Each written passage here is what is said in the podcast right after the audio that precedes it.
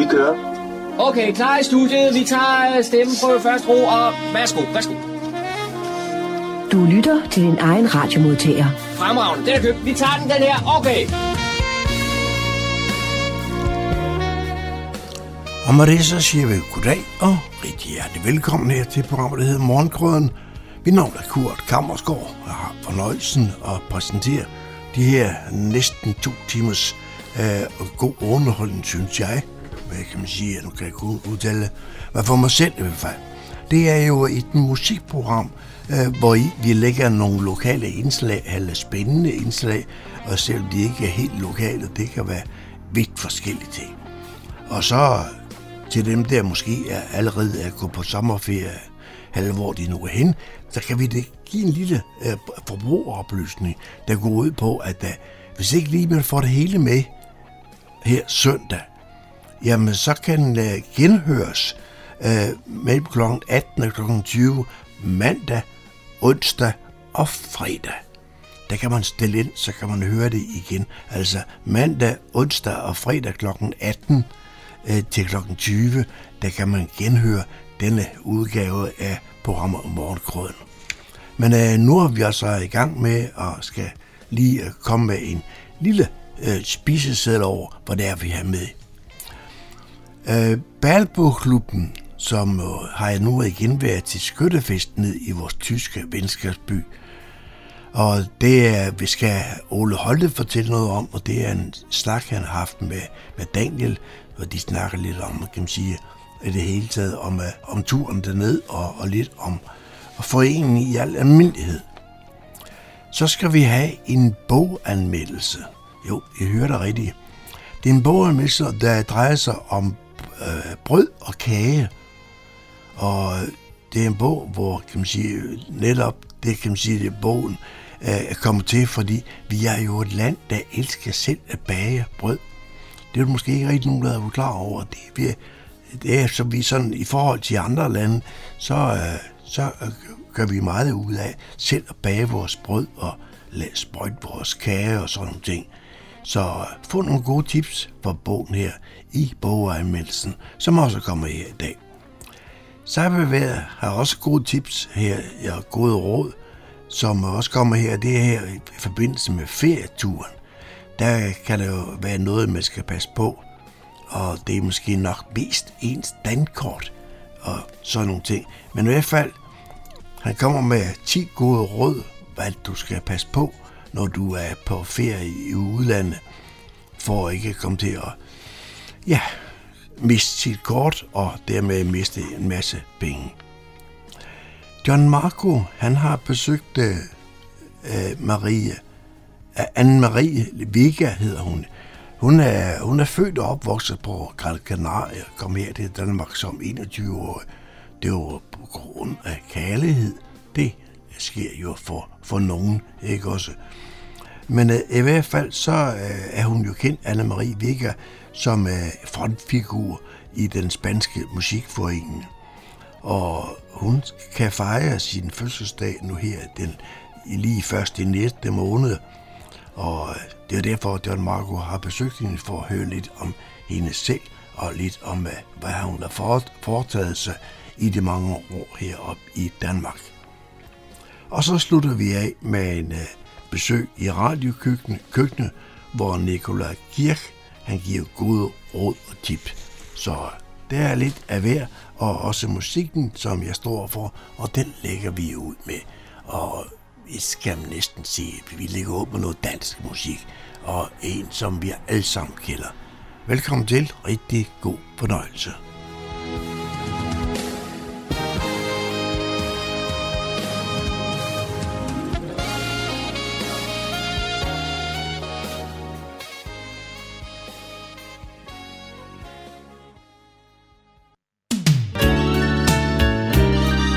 Lytter til Morgenkrydderen. I studiet er det Kurt Kammerskov.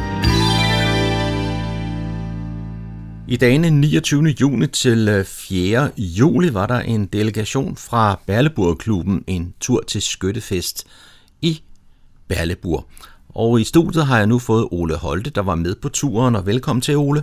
Tak skal du have, Daniel. Berleburgklubben, hvad er det for en størrelse? Berleburg-klubben er jo en venskabsbyforening mellem øh, Fredensborg og Berleburg, og vi har faktisk øh, her i 2023 55 års jubilæum, fordi det hele startede tilbage i 1968. Og vi fejrer det jo sammen med vores øh, søsterforening nede i Berleburg, der hedder Fredensborg Ring, og øh, de to foreninger står så for det samarbejde, der er. Derudover har så Fredensborg Kommune og Berleburg Kommune et officielt øh, samarbejde, som faktisk i 25 har eksisteret i 50 år. Så der har været mange år, hvor kommunerne, altså hvor Fredensborg og Berleburg har haft øh, forbindelse med hinanden.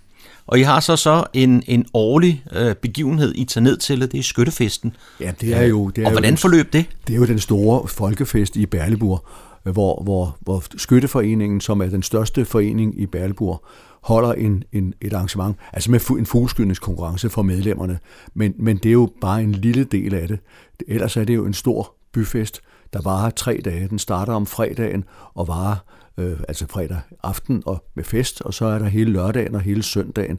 Og søndagen midt på dagen, der er der et stort optog gennem byen, hvor vi øvrigt fra øh, Fredensborg deltager. Vi går med i optoget med Dannebro, og der, vi havde tre uniformerede medlemmer med, fordi Skytteforeningens medlemmer har uniformer. Der er, vi er tre, der er medlemmer af foreningen, så deltog, så vi er selvfølgelig med i optoget, men det skal jo markeres, at Danmark er til stede, så vi havde selvfølgelig Dannebro med.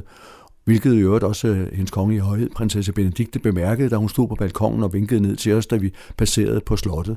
Så jo, øh, det, det er en, en folkefest, som, som er... Men når vi er dernede, laver vi jo også en række arrangementer sammen med vores øh, søsterforening, hvor vi tager på udflugter, hvor vi har været ude at se på, på de her europæiske bisoner, der går frit i skovene dernede. Vi har været ude i et udsigtstårn, og vi har været på piknik ude ved en, en øh, sådan en, et opdæmmet sø og, og på museumsbesøg. Så der sker jo også noget de, de to andre dage, hvor der ikke er hvor der ikke er arrangementer i forbindelse med skyttefesten. Og så hygger vi os selvfølgelig sammen til forskellige arrangementer, hvor vi får lidt god mad og lidt og, og, og drikke. De har jo det glimrende øl i Tyskland for eksempel. Og Det er jo også et øh, arrangement eller en, en begivenhed, som gør, at der bliver dannet nogle relationer på kryds og tværs. Jamen lige præcis. Altså, der er jo, der er jo dannet øh, konkrete venskaber. Det medførte jo også, at flere af vores øh, deltagere i delegationen til, til Berleburg boede øh, under private former, altså hos øh, nogle af de, af de tyske venner i, i, i Fredensborg Ring. Og sådan har det altid været, og, og der kommer, de, de møder jo op også til de arrangementer, vi er for at være sammen med os. Det samme gør vi jo, når de, er, når de kommer på besøg her. Vi havde jo senest besøg af en delegation dernede fra i slutningen af april i år, hvor de boede op på, på vandrehjemmet, og hvor vi så lavede udflugter her i det nordsjællandske, i Fredensborg og i, i nærmeste omegn. Også med nogle ønsker, som de kommer med. På samme måde har vi jo nogle ønsker, når vi kommer derned, hvad vi godt kunne forestille sig, at vi kunne, vi kunne arrangere. Og, og, og så bistår de jo med at tage med rundt på de der ting. Så det, er, det, er, det, det fungerer rigtig godt. Jeg har været med i det her arbejde i, i over 30 år, ikke? og, og øh, jeg tror, jeg har på den, i den periode vel har været i Berleburg omkring 80 gange, så jeg tror, jeg tror, jeg kender meget af det dernede, men derfor er der jo stadig noget nyt at se. Når, og så har, har man folk med, som kun har været der nogle få gange, så er det for dem helt nye oplevelser. Og vi har jo meget gerne sådan en åben forening, hvor vi tager imod nye medlemmer, folk, der gerne vil ned og opleve øh, det venskabssamarbejde, vi har. Man oplever den tyske kultur på en helt anden måde, når man kommer ind blandt øh, de lokale. Altså gennem 55 år har den her forening eksisteret. Øh, hvordan har I kunnet fastholde medlemmer, og, og, og hvordan ser det ud med sådan en generationsskifte? Altså vi har kunnet fastholde mange medlemmer. Øh, da jeg blev formand for foreningen tilbage i 1993, der, der var, havde vi en forening med, med 28 medlemmer. Men så lavede vi en hel masse information i lokalavisen og begyndte at lave busture til Berleburg, og øh, det gjorde, at vi faktisk i løbet af halvanden år havde rundet 130 medlemmer, så det var, det var jo noget af en salvandsindsprøjtning medlems, medlemsmæssigt. Og der er så selvfølgelig medlemmer, der, der, der kommer, og der er medlemmer, der går over tid. Vi har nu i øjeblikket 85 medlemmer, men, øh, men du har ret, øh, generationsskiftet er selvfølgelig lidt et problem, fordi, øh, og det er det både her og i Berleburg, fordi vi, vi har jo i mange år, der har det jo kørt på, at der var det her med prinsesse Benedikte og prins Richard, der blev gift i Fredensborg i 1968. Men det siger jo ikke den unge generation ret meget, hverken her eller der. Og, og de aktiviteter, vi laver, der er det måske nogle andre ting, de unge gerne vil. Vi er så været formidler af en række andre ting, nemlig for eksempel skoleudveksling, sportsklubber, der har været på, på besøg dernede og har truffet tilsvarende. Så det er jo så kørt, kan man sige, i eget foreningsregi uden omkring de to venskabsforeninger. Og det er jo selvfølgelig noget, vi, vi, vi kan være med som katalysator for at få nogle af de der ting til at fungere. Så, så jo, det fungerer stadigvæk, men vi kunne meget godt tænke os, der var måske nogle af den yngre generation, der gerne ville være med, ligesom for at føre foreningsarbejdet videre. Og du fik jo også nævnt i indledningsvis det her med, at, at kommunen er inde over og har som, som venskabsby på sådan en formel plan, ikke? Sådan, så der foregår en masse andre ting imellem øh, Fredensborg og Berleburg kommunerne, end bare det, som I laver. Jamen det gør der da, fordi øh, og vi har jo i flere lejligheder, hvor vi så også har taget der ned, hvor der har været repræsentanter fra, fra byrådet.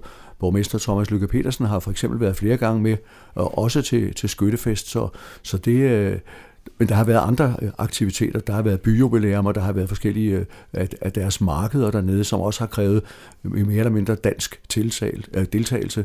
Og jeg har været projekt, eller hvad hedder sådan noget, protektor hedder det vist nok. Schirmherr kalder de det i Tyskland, for deres uldmarked for nogle år siden, hvor, hvor det så var mig, der skulle, skulle lave alt, alt det indledende og holde festtaler og ting og sager dernede øh, ved, ved de markeder. Og, og det har øh, den tidligere borgmester Svend Erik Christiansen, det har han også prøvet. Så, så der er altså de der kommunale relationer også, kan man sige, øh, sideløbende med det foreningsmæssige. Og hvem er det så, der tegner Balleburg-klubben den dag i dag? For en, en, et par år siden, efter at have været formand i, i mere end 25 år, så trak jeg mig og, og sidder så og passer øh, foreningens øh, regnskab. Jeg er jo revisoruddannet oprindeligt, så det passer jo meget godt. Så det er Olav Brun Andersen, som mange kender fra Hjælpemiddelcentralen og, og brandvæsenet i Fredensborg, der overtog formandsværvet. Jeg synes, det var passende, at der kom en, en lidt yngre på, form, på formand. Han er 15 år yngre end mig. Han er kun øh, 61 år, så det, er jo, det passer jo bedre, hvis man skal have nogle, nogle yngre kræfter. Så kan man sige, at en på 61 er det en, der er ung nok til at gøre det. Men, øh, men, men det, var, det, var det, det, det skal også være en, der gerne vil, og en, der kender til det dernede og har været med. Og det har Ola jo mange gange. Og hvad vil der ellers være sådan i, i fremtiden på øh, aktivitetskalenderen i Berleborg-klubben? Altså Berleborg-klubben laver jo de der arrangementer, når vi er dernede. Så tager vi imod dem, når de kommer herop. Men så har vi jo også selv øh, skal vi sige, hjemlige arrangementer, hvor vi mødes. Sådan, selvfølgelig ud over vores generalforsamling, har vi altid et fast øh, julemøde, hvor vi, hvor vi får noget god mad og hygger os sammen og, og sådan udveksler, hvad der har foregået i årets løb. Og så ved jeg jo, øh, at, at de planlægger i øjeblikket at, at komme øh, på besøg med deres øh, musikskole. Og det bliver formentlig en gang i efteråret, hvor der kommer øh, musikskolen op. De, skal, de har også et kor med, og så skal sammen med, med Fredensborgs Musikskole skal vi have lavet nogle arrangementer. Det var egentlig meningen, det skulle have været i april, samtidig med, at vi havde besøg. Men øh, det var noget med eksamener og sådan nogle ting, og sager, hvor, hvor øh, skoleledelsen satte sig øh, imellem og sagde, at det går altså ikke før til efteråret. Men øh, jeg, jeg ved, at det, det, det, det, der arbejder stadigvæk med det, så jeg, vi satser på en gang hen i, i måske i, i oktober-november måned, at der så kommer en, en større, et større besøg fra Berleburg, og så kan man formentlig også opleve tyskerne.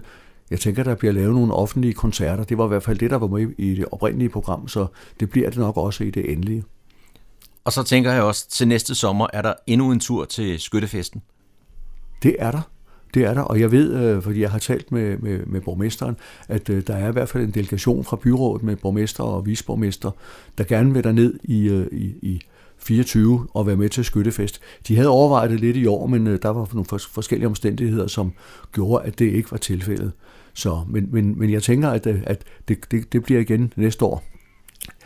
Det eneste problem er, at man skal være meget hurtigt ude med at bestille hotelværelser og lignende, fordi ellers så er det håbløst at finde logi, medmindre man bor uden for byen, og så skal man jo så ligge og køre frem og tilbage. Og med de ord, så vil jeg sige tak til dig, Ole Holte, for din orientering om, hvad I har gået og arbejdet med i Balleburg-klubben her på det seneste. Selv tak. Indslaget var produceret af Daniel Jørgensen.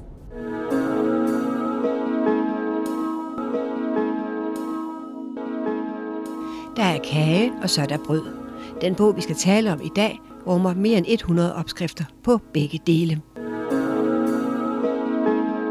Trine Hanemann, din øh, bog udkom allerede for et års tid siden i England, og der var den en kæmpe succes og kom faktisk til at ligge i top 10-listen på The Guardian blandt årets bedste kogebøger. Det er jo lidt af en bedrift, fordi der udkommer mange koge- og bagebøger herhjemme, og jeg er sikker på, at der udkommer endnu flere i, i England. Hvad er det, øh, din bog først og fremmest kan, som ikke alle de andre kan? Den, det er nogle opskrifter, man kan regne med. Altså, de er meget, meget gennembrød, og det vil sige, selvom man ikke har prøvet at bage så mange gange før, så øh, vil man øh, have ret stor chance for at have succes med det. Og så tror jeg, at grunden til, at den i England blev så populær, det er jo også, fordi den har så mange historier. Altså, den fortæller så mange historier om kulturen og om, hvad det, hvad, hvad det er, der gør, at baning er særlig skandinavisk og ikke bare de sædvanlige kager, man kan se over hele verden, men hvad det er for en tradition, vi bærer på. Og, øhm, og, og altså jeg ved fra mine læsere, i hvert fald den feedback, jeg får, at de kan rigtig godt lide historierne, de kan godt lide at forstå sammenhængen, og, øhm, og så elsker folk jo bare kager i øjeblikket. Det skal man jo også huske. Altså de der øh, tv-programmer, British Baker for alt det der, der foregår, altså kager er mere populært end, end nogensinde. Og det tror jeg handler om noget med, at vi har alt for travlt. Og når du bager, så får du tiden tilbage. Og det, øh, og det har folk brug for med de liv, de lever i dag.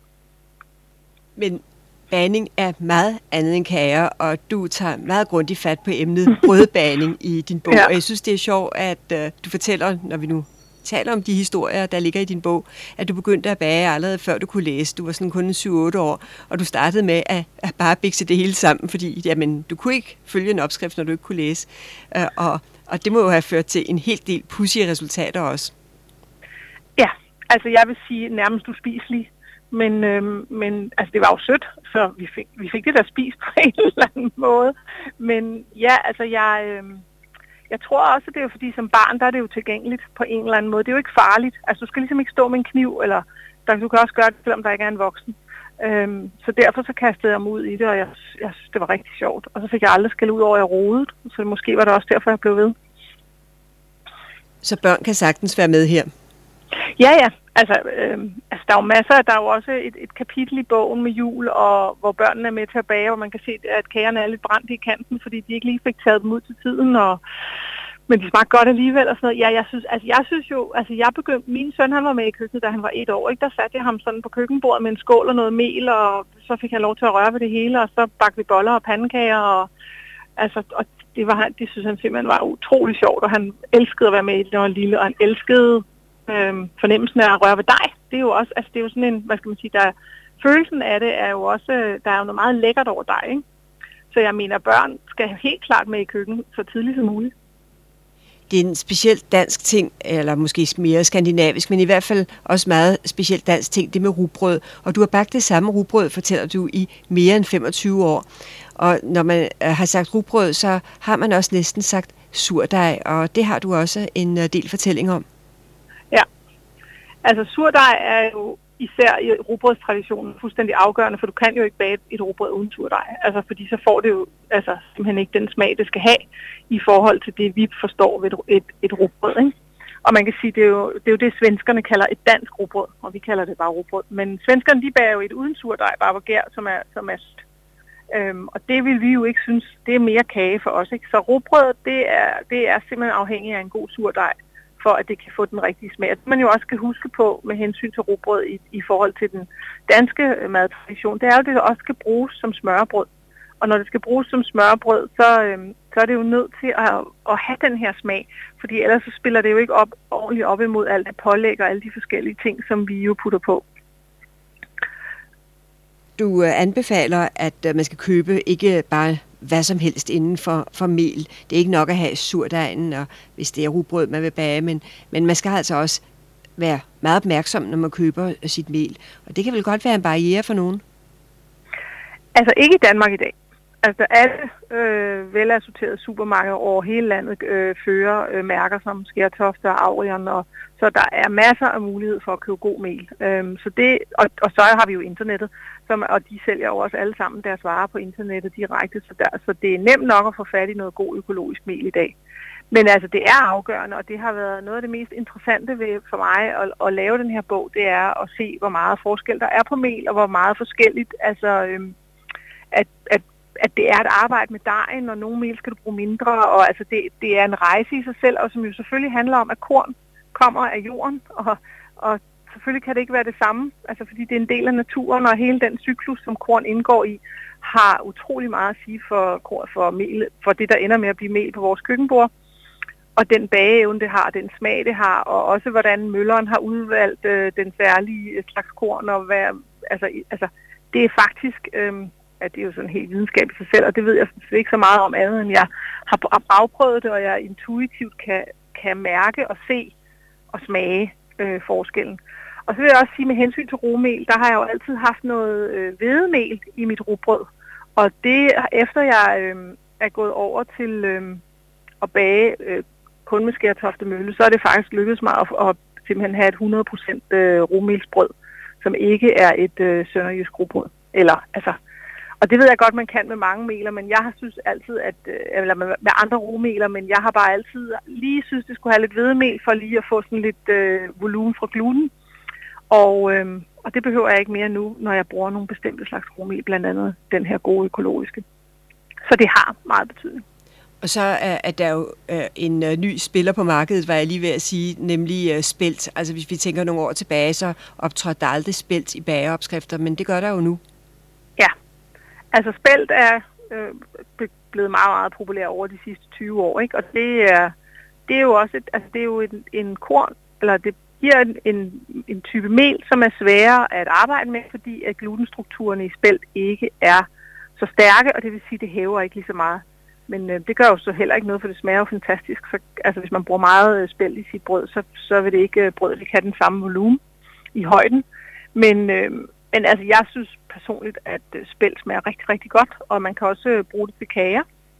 Og, øh, og jeg... Øh, og, og så er det gode ved spelt er jo, at det næsten er økologisk alt sammen. Øh, det er meget svært at få noget spelt, der ikke er økologisk. Det dyrkes nærmest ikke, fordi det er en masse økologer, der ligesom har dyrket det op, ikke? Og, øhm, men altså, jeg, men det, altså, det man jo også skal huske, når vi snakker mel, det er jo smag. Øhm, og der får vi forskellige oplevelser med forskellige typer af, af mel. Ja, altså det er jo lidt ligesom med en gulerod, ikke? Det er jo meget nemt for folk at forstå, at en gulerod ikke altid smager det samme, og det er jo fordi, vi har den erfaring. Vi har jo købt en brug gulerødder, hvor de var super søde, og så har vi købt en pose gulerødder, hvor de nærmest ikke smagte noget. Og det har noget at gøre med den jord, det gror, det gror i øh, og den behandling, det har fået osv. osv. Og det er jo det samme med, med korn altså, og med mel, at, øh, at, der er, at det har forskellig smag. Og det tror jeg også, at altså, med alle de øh, hvad hedder det, små øh, bagerier, der skyder op i Danmark i øjeblikket, så er vi jo også begyndt at få en fornemmelse af, at der er faktisk nogle bager, der gør det på en anden måde, og det brød derovre, det smager på den måde, og det brød herovre, det smager lidt anderledes. Og det er jo ikke kun bagerens håndlag, det er jo også de råvarer, som bageren bruger. Men fra brød til kager, dem har du også mange af, og din øh, bog er decideret sådan mouth-watering, når man kigger på, på alle billederne. det, det er uh, ganske overvældende, og der findes selvfølgelig utrolig mange forskellige slags kager. Hvordan har du udvalgt dine opskrifter inden for det felt? Altså, det var også en meget hård opgave, vil jeg sige, og virkelig, virkelig svært. Men altså, jeg har simpelthen taget udgangspunkt i øh, at tage de kager, jeg selv bedst kunne lide.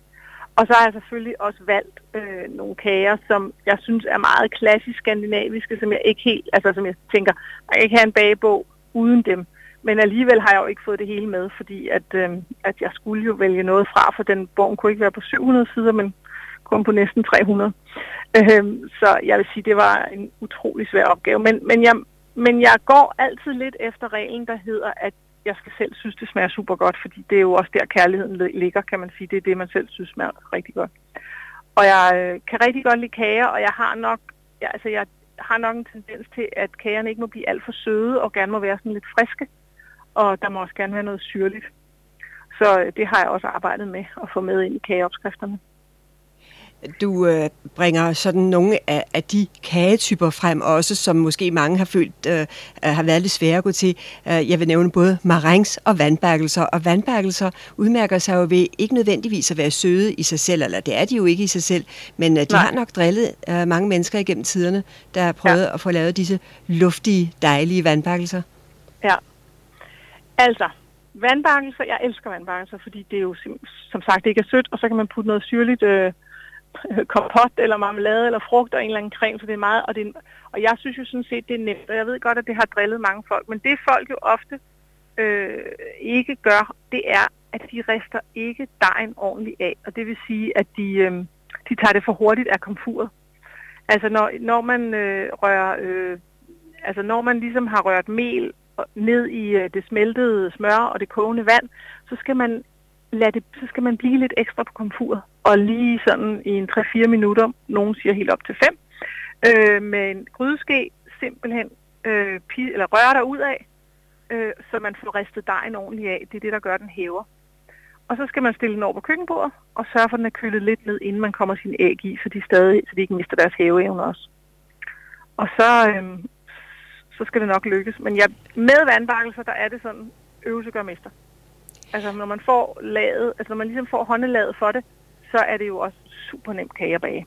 Så. Og den er så øh, utrolig nem at variere på øh, ja. mange spændende måder. Ja. Øh. Og så er den jo basen i rigtig mange af de danske klassiske flødeskumskager. Altså, det må man jo sige.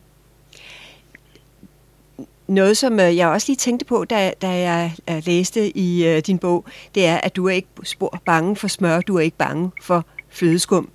Øh, havde du nogle tanker om, hvordan man øh, sådan skulle lancere de der øh, produkter, som måske altså kan komme lidt i modvind for øjeblikket?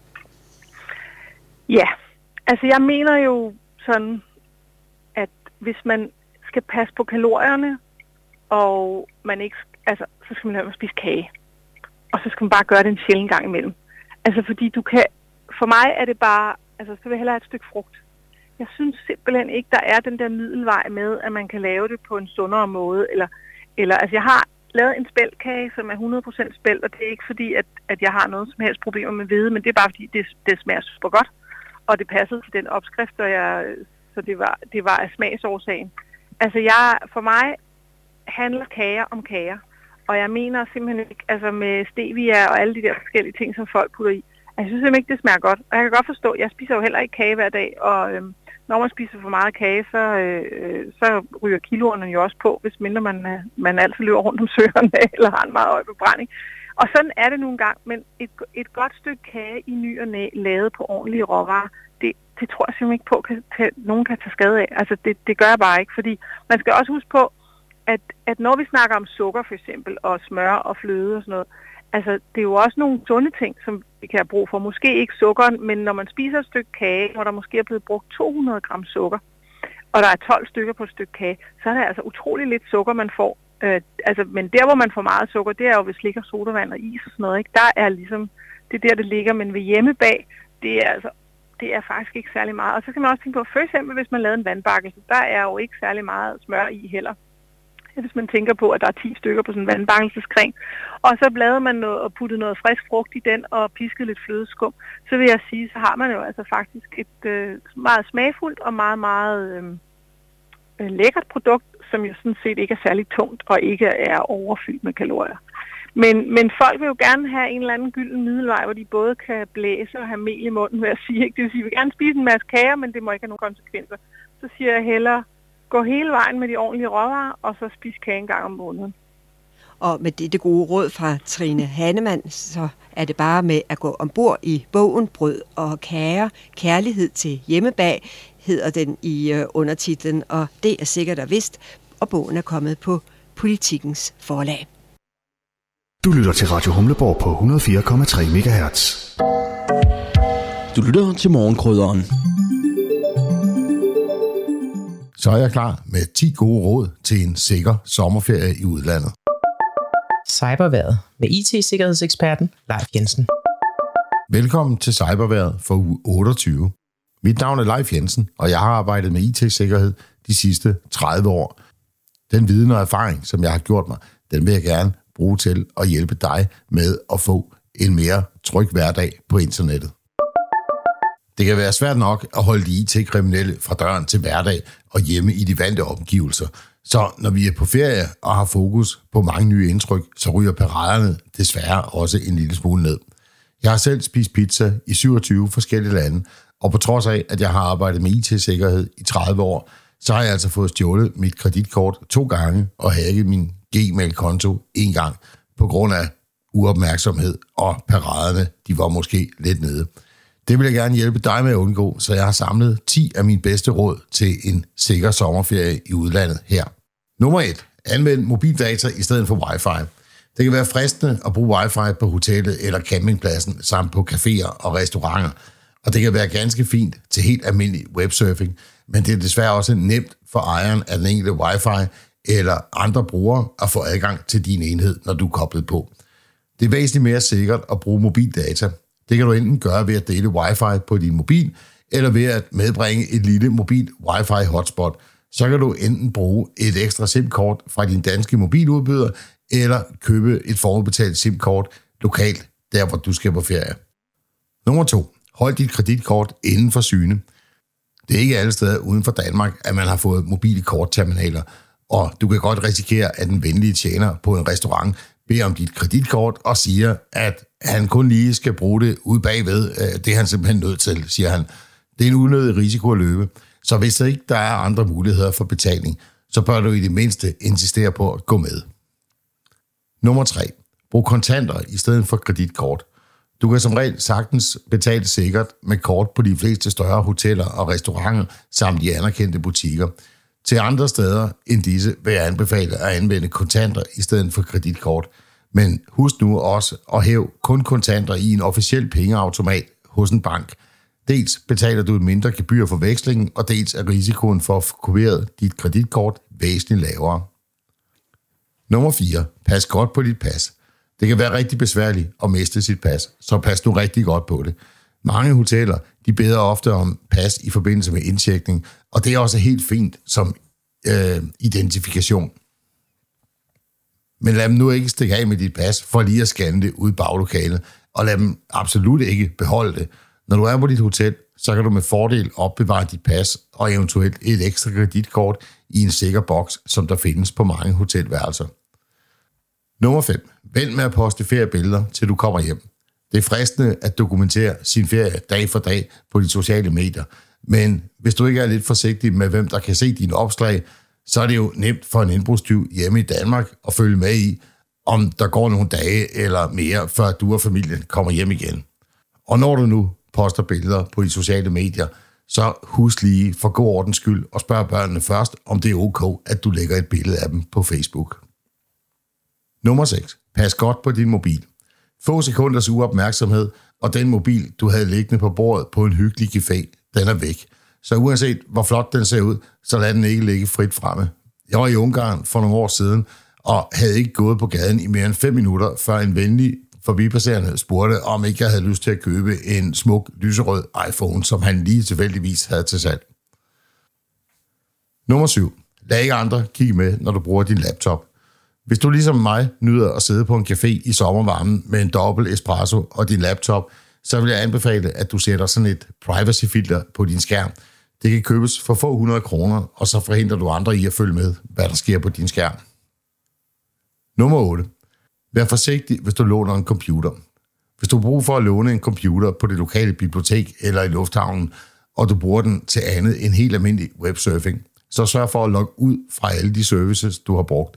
Det er ikke nok bare at lukke vinduet. Du skal trykke på log ud, for at være sikker på, at den næste bruger ikke lige kan fortsætte på din konto.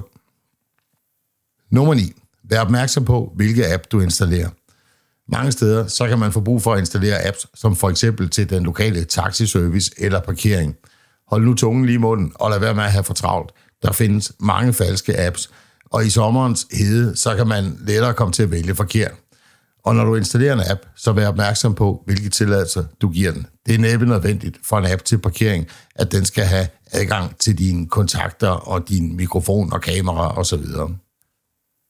Nummer 10. Tag backup fra dit kamera. Mange af os bruger mobilen som kamera, og den er ofte automatisk synkroniseret med en eller anden cloud service, hvor billederne de bliver uploadet. Men hvis du ligesom jeg bruger et godt gammeldags, rigtigt kamera, øh, ja, så gammelt er det altså heller ikke, så lav gerne en backup af billederne hver eneste dag, øh, som du har taget. Eventuelt ved at kopiere billederne med til din medbragte øh, laptop eller ud på en USB-harddisk. Bonustip. Når du nu sidder om aftenen og summer over dagens mange indtryk, så brug den stille stund til lige at gennemgå, hvilke apps du har på din mobiltelefon, samt hvilke tilladelser du har. Er det eksempelvis nødvendigt at give TikTok adgang til at bruge dit kamera og mikrofon, hvis du aldrig selv uploader indhold? Det var cyberværet for denne gang. Vi høres ved i næste uge. Det her er Fredensborg Lokalradio, Radio Humleborg på FM 104,3 MHz. Klik også ind på vores hjemmeside, www.humleborg.dk og følg med i, hvad der sker lokalt i Fredensborg og omegn. Jeg sidder på Strandvejen i Humlebæk og er gået indenfor hos Anna Maria Vega.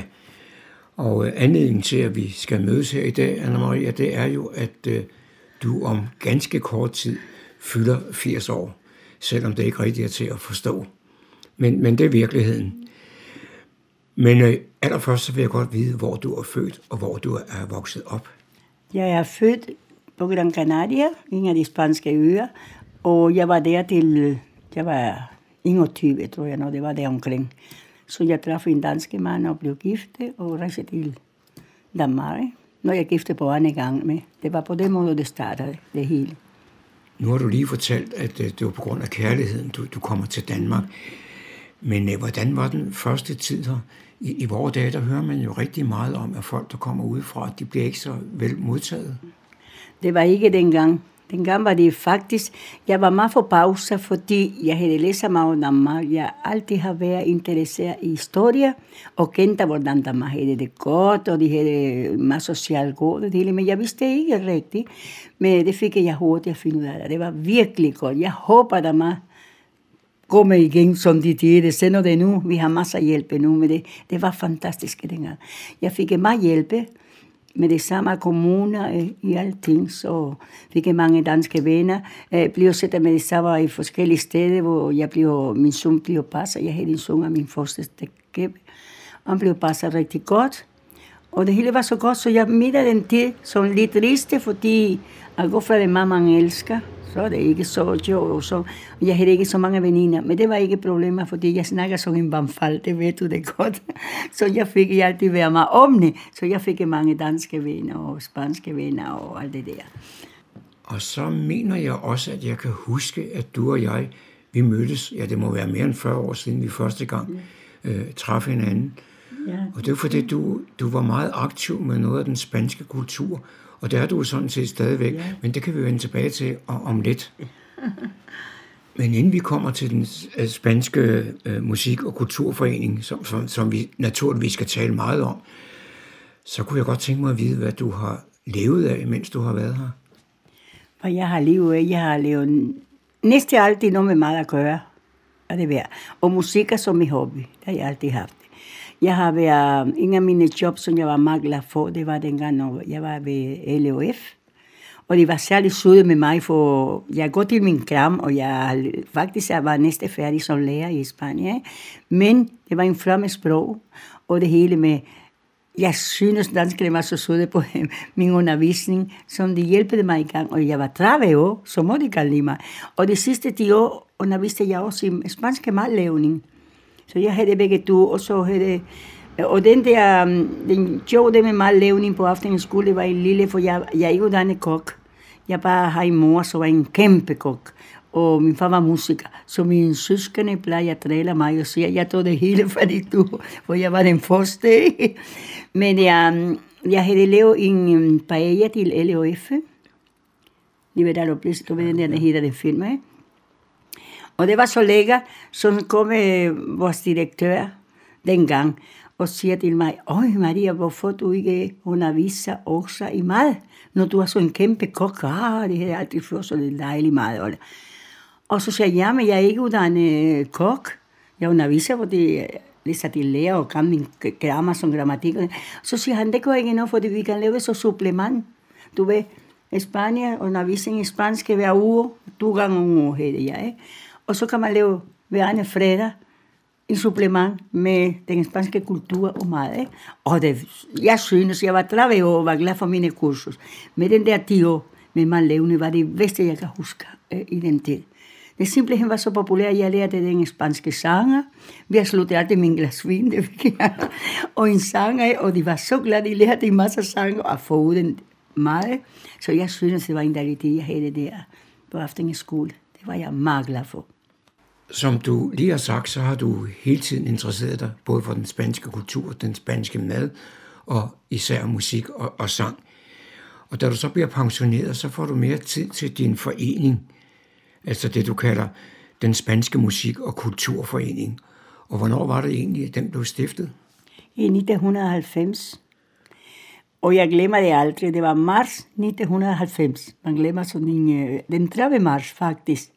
Øh, 1990. Og jeg har aldrig havde troet, det blev så stor succes, som det er blevet. Og nu har vi allerede har vi fået fem anerkendelse, både spansk og danske.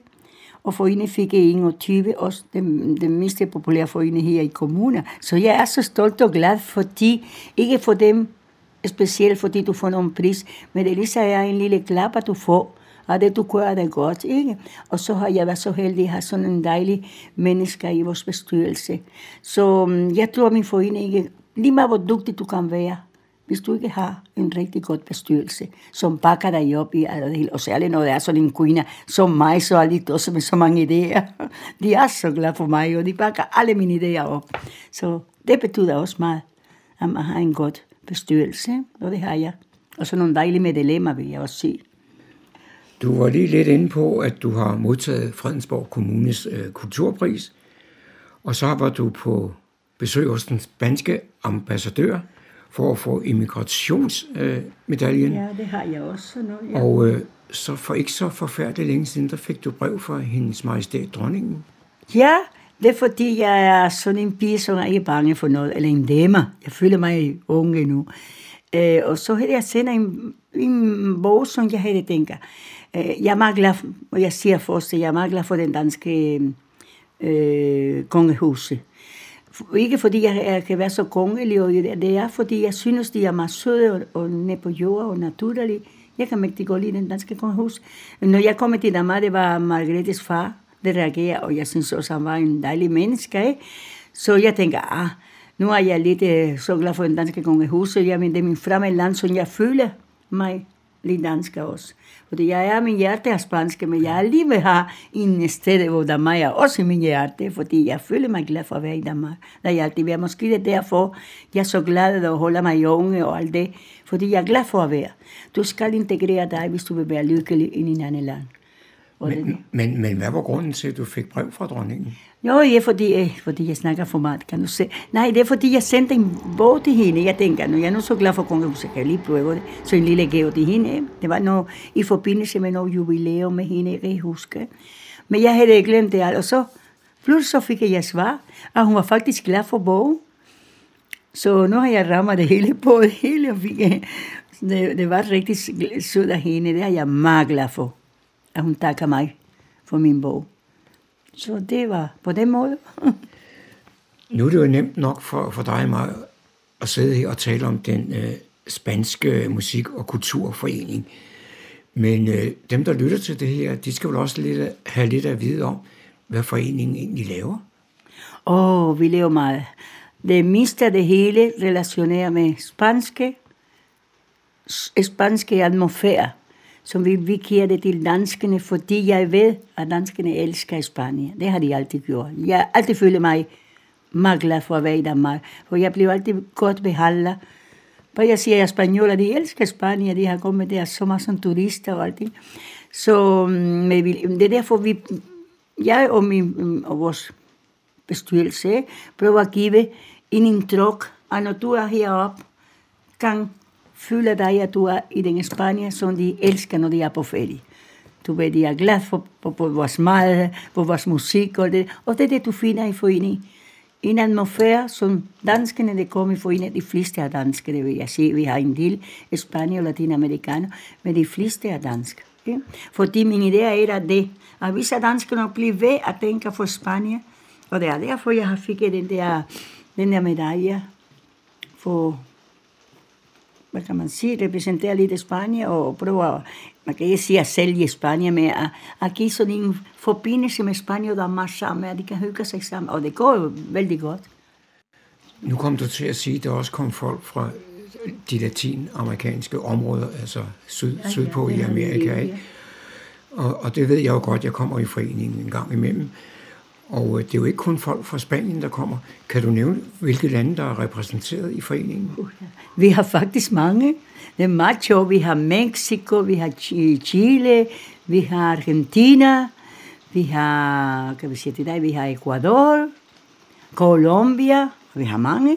Og vi har det dejligt sammen, fordi Latinamerika er født med en meget dejlig kultur også. Foruden den spanske, som de har meget i det også, og med vores sprog og det hele, så har de meget fra nærende og indianer. Det, hele. det er sådan en, som for mig, de bedste danser i verden, eller de musik er, jeg vil sige ikke navne, jeg vil nok sige, at det er Latinamerika. Og hvis jeg skal på bare ind, vil jeg sige Colombia og Cuba. Det er det. og det, de har en ritme, som du ser i små børn. Ikke? Og jeg synes, det er så dejligt. Og Spanien, som også har en musikalsk lang, og, og, og, og du ser Andalusia med flamenco, det hele, hvor små børn også danser. Jeg synes, jeg er så lykkelig, for de kommer også med. For så føler jeg mig, jeg er med min familie, jeg betragter Latinamerika, mine søskende, eh? mine søs, spanske søstre. Jeg vil altid sige, at der er nogle mennesker, der tænker, åh, oh, de kommer derop, de conquistadore, og stiller vores guld og det hele. Men så der tænker jeg ikke. Jeg synes, det er dejligt at se, at de har vores sprog, og jeg kan være så gode venner, og har lige så der er mange latinamerikanske. Det er mine bedste venner. Og min bedste veninde heroppe er faktisk fra Latinamerika også. Sender jeg også mange Spanien. Og danskene. Vi kan glemme også mange danske venner. Men det betyder jo også, at de arrangementer, øh, foreningen laver, der kommer der jo musik fra det meste af jorden. Ja. Og det gør at det bliver meget, meget afvekslende. Det er det, folk kan lide, jeg tror. At fordi de får, jeg prøver, at vi ikke laver det samme det samme event, som man kan kalde det, eh, to gange det samme. Fordi musik i vores gruppe er også den blanding. Fordi vi har nogle meget dygtige guitarister, og den ene er fra Colombia, og den anden er fra Ecuador. Så du kan se den blanding, og så spanske musik, latinamerikanske sanger, og det hele er på spanske. Så vi giver publikum sådan en eh, afsendig, eller lidt eh, rig, rig musik med forskellige nuancer, synes jeg. Og det er det, de kan lide. De bliver glade af vores musik, og det er det vigtigste, at folk føler sig. Og, og når de går hjemme, og du hører sådan noget, siger, du har reddet min liv, eller I har reddet min liv i det. Det er, noget, det, er noget, det er det, jeg tænker på. Det er lige meget, hvordan festerne er, hvis de ikke giver noget. Men hvis de gør den glæde, så er det godt nok for mig. For lidt siden, der talte vi om, at du havde fået brev fra hendes majestæt, dronningen. Ja. Og det var fordi, du havde sendt hende din bog, den der hedder En Spanier i, i Danmark. Og den udkom jo i 2017. Og jeg var så heldig at få en snak med dig i, i den anledning ja, dengang. Ja. ja. Men kunne du ikke lige fortælle om, hvad den bog handler om? Fordi øh, jeg ved, det er også en, det er både en kogebog, men den handler jo også en stor del om dit eget liv. Ja, så det handler den liv, som jeg havde for når jeg var lille pige, det er, når jeg blev den der 21 eller der omkring, som jeg rejste til Danmark. Ikke? Og så fra min liv herop, fra den tid til nu, kan man sige. Ikke? Well, ikke til nu, men jeg stoppede den i 2017, levede jeg. Ikke? Men øh, det er det, det er, fordi jeg synes selv, allerede som 70 år, havde jeg en meget spændende liv, synes. Lille pige, hvor jeg kan fortælle, at jeg det er det måske, det har gjort mig så åbne, og som jeg er. Jeg blev vokset mig med nogle øh, vennepligter, soldat, for min far var med militær. Han var musiker også, synger i sin orkester, militærorkester. Men han var også almindelig med, som militær, ikke? Og så tog han mig med på kasernen, og jeg blev passet i soldater, og det har gjort mig den jeg er, tror jeg også. Fordi jeg mistede, jeg mistede at være genier, hvis jeg nogensinde var. Så tror jeg ikke, jeg var, jeg altid var meget åbne med. Det, det er i hvert fald, de sætter mig op på bordet, de lærte mig at spille kastanjetter og mange ting. Og danser min flaske på hovedet og mange ting. Og jeg, jeg siger, jeg takker de soldater. Det. Og så min far, det synger så meget.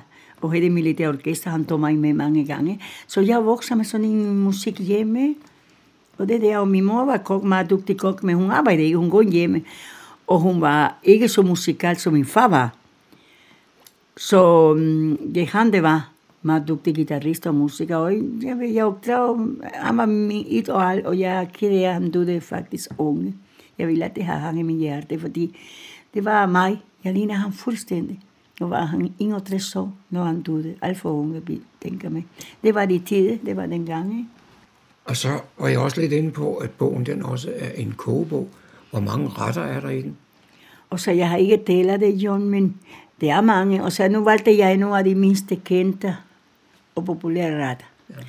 Ja. Øh, så man, og hurtigere er nemt at lave det med. Øh, den spanske køkken er meget stor.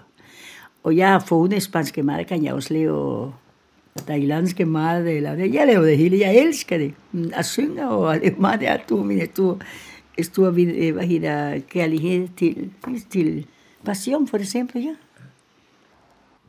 Inden vi slipper din kogebog helt, eller din bog, der hedder En Spanier i, i Danmark helt, så skal vi jo også med, at den, efter den var udkommet på dansk, der udkom den også på spansk. Ja, jeg blev nødt til at bestille nogen på spansk, fordi øhm, mange spanier, der er i Danmark, som måske kan også dansk og det hele, det kan jeg godt se. Det, det ville være, at de ville læse det på spansk. Ikke? Og så har jeg også ambassader. Mange af dem har jeg ikke solgt, det jeg har væk, fordi det er for det store øhm, krise af venner, jeg har. Folk, jeg kender. Og det har været dejligt, og det har faktisk blevet accepteret godt. Folk synes godt om det. Så jeg også altid kan sige, at jeg altid kan gå lide at skrive. Det har jeg altid kunnet. Det kan jeg godt lide. Det er sådan, jeg elsker at skrive. Så det er måske derfor at blive godt. Jeg, jeg er bare glad. det var ikke meningen for at tjene penge eller noget, det var mere for, jeg vil fortælle danskerne mit liv og lære den kvinde, jeg er. Lære, hvad jeg kender. Og så beskæftiger bogen sig også noget med de, dans, eller de spanske kulturbyer. Ja, men det, er, det nu starter jeg med den der idé, jeg kom med der det, i år 2000. Jeg synes, det var dejligt, at danskerne elskede Spanien, men så der jeg pludselig igennem min venskab til øh, i undervisning og på aften i skole og i forening og det hele, så der jeg, det var meget strang og varm og solen.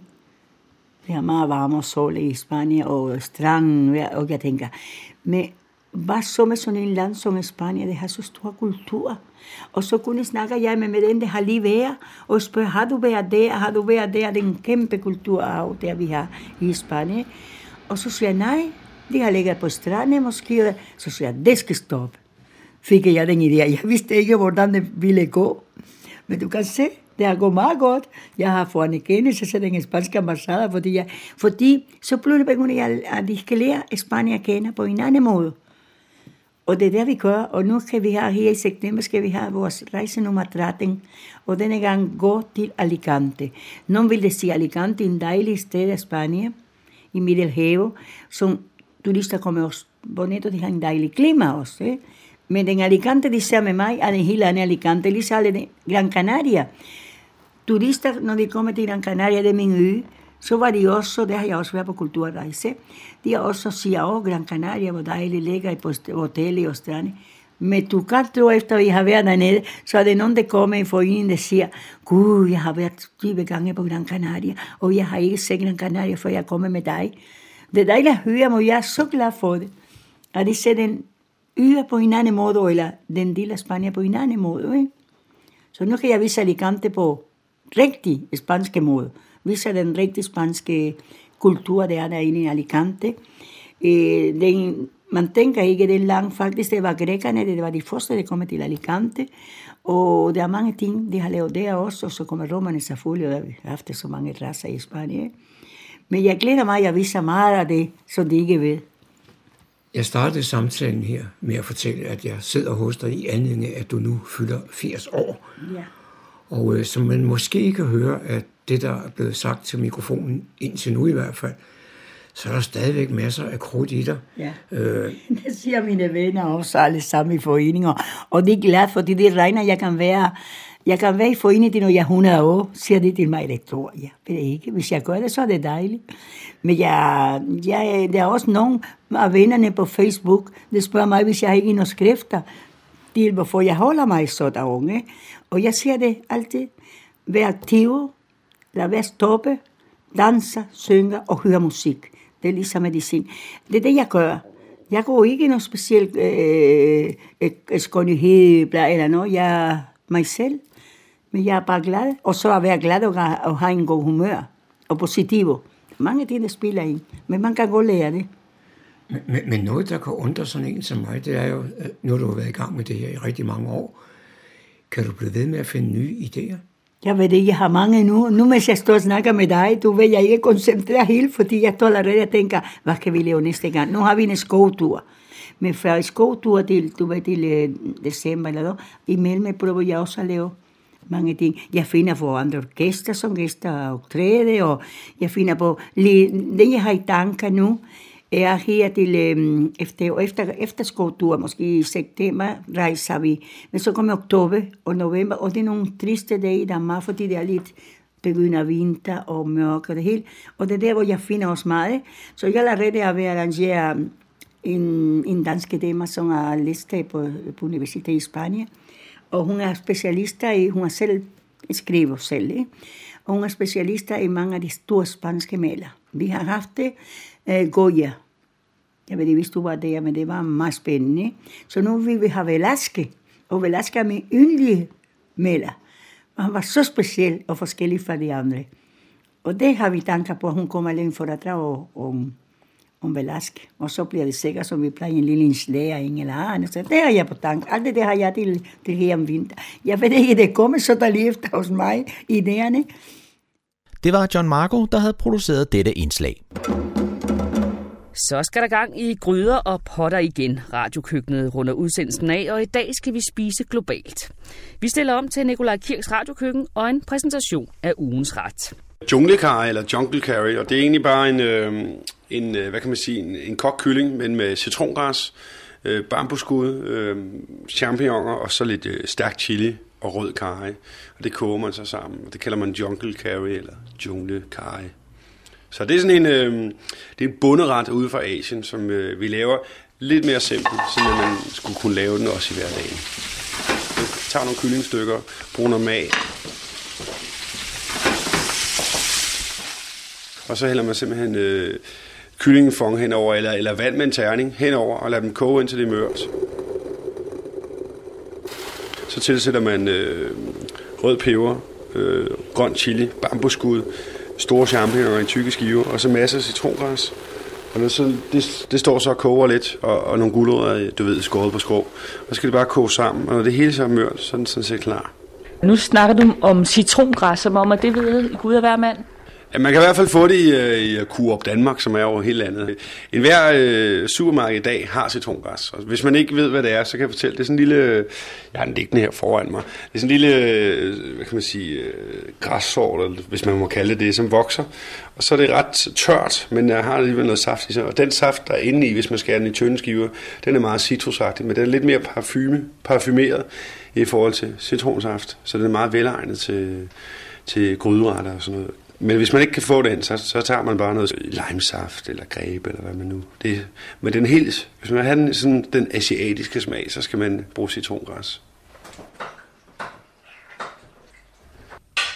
Og det er jo selvfølgelig nudler, man spiser til, eller ris. Ingen kartofler. Nudler eller stegte ris, eller kogte ris. Og det er, når, når kyllingen er simret færdig, så er det, grøntsagerne lige kommer ned ja, og får sig en jeg plejer, altså jeg koger øh, kylling i væsken i øh, en kvarter til 20 minutter under låg, ikke? Og så, for ellers så fordamper for meget væsken væk. Så fjerner jeg låget, og så tilsætter jeg først de der tykskårende skiver og gulerod, og lige koger et par minutter med dem, så de når op i møre. Og derefter tilsætter jeg bambusskud, svampe, rød peber og grøn chili og citrongræs, og så koger jeg bare en 2-3 minutter. Og så op i en stor øh, skål til folket, og så med masser af koriander udover. Hvis man har lyst til det, fordi koriander er jo noget, der skiller vandene. Den er altid gjort. Enten så kan man lide det, eller så hader man det. Og der er ikke noget midt imellem. Det findes ikke. Så man kan også bare koriander i en lille skål, og så kan folk selv drysse ud over. Det, jeg kan godt lide det. Men bliver det ikke sådan en tynd sovs, og det er jo ikke sådan en sovs på den måde, eller hvordan? Det er en bouillon, øh, og det er, det er ment til, at hvis man øh, er helt rigtig, så tager man sine nudler øh, og kommer op i en dyb tallerken, og så hælder man øh, kyllingstykkerne og svampene og, og peberfrugten over det her sammen med bouillon, og så, så jeg ved ikke, om du har set det, men kineserne så spiser med pinde, så man får alt det her, der ligger og mumser, spiser man det, og så er der en bouillon bag, så drikker man som suppe. Eller tager en dyb ske undervejs. Det er sådan, det er ment. Man, man gør det også med ris, så tager man dyb salaten, kommer ris i, og så hælder man det her henover. Så det er sådan en rigtig, rigtig bundeting, især i Kina. Og så skal vi lige have den forfra med indkøbsseddel og manual. Du køber, så du har fire styk kyllingelov, et styk frisk ingefær, et styk citrongræs, to styk friske grønne chili, rød kajpasta, sojasauce, østersauce, 1 liter hønsefond eller vand med terning, to stykker gulerødder, en peberfrugt, et halvt bund koriander, nudler eller ris. Hjemme med den fyldte indkøbspose starter du med at dele kyllingelovene i over- og underlov. De krydres med salt og peber og brunes ved moderat varme i olie. Så banker man citrongræs let i den tykke ende, skærer den ud i meget tynde skiver. Kom nu ingefær, hvidløget i tynde skiver og de små grønne chili i gryden, hvor det svitses i fedtet fra kyllingen. Til sidst smider man to spiskefulde rød kajpasta i. Tilbage med kyllingelovene i gryden, og så hældes hønsefonden ved. Gryden får låg på, og herligheden simrer ved moderat varme i 30-40 minutter. Imens bruger du tiden til at skære gulerødderne ud i tykke skrå skiver og dele champignonerne i mindre stykker. Grøntsagerne koger med i gryden de sidste 5 minutter. Du tilsætter to spiskefulde sojasauce og de to østersovs samt peberfrugten skåret i mindre stykker. Og hvis man er på korianderens banehalvdel, kan man lige garnere med det. Endelig, som Nikolaj Kirk sagde det, smid kogte nudler eller ris i.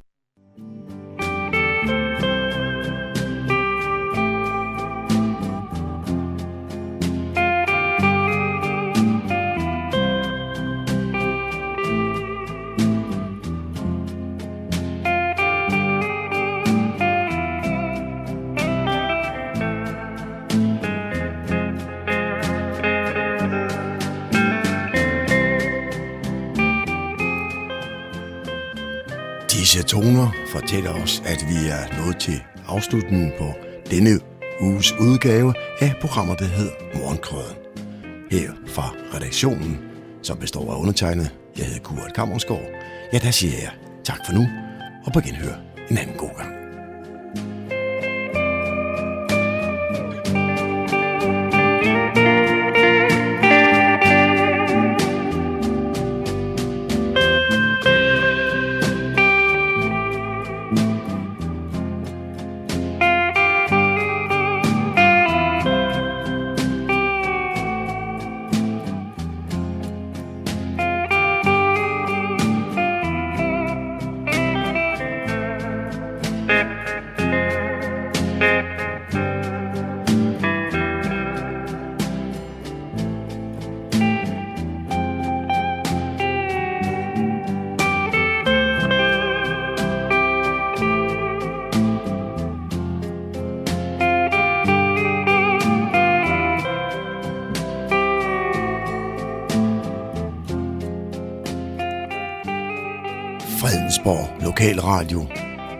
Humleborg, Nordsjællands mest voksne lokalradio.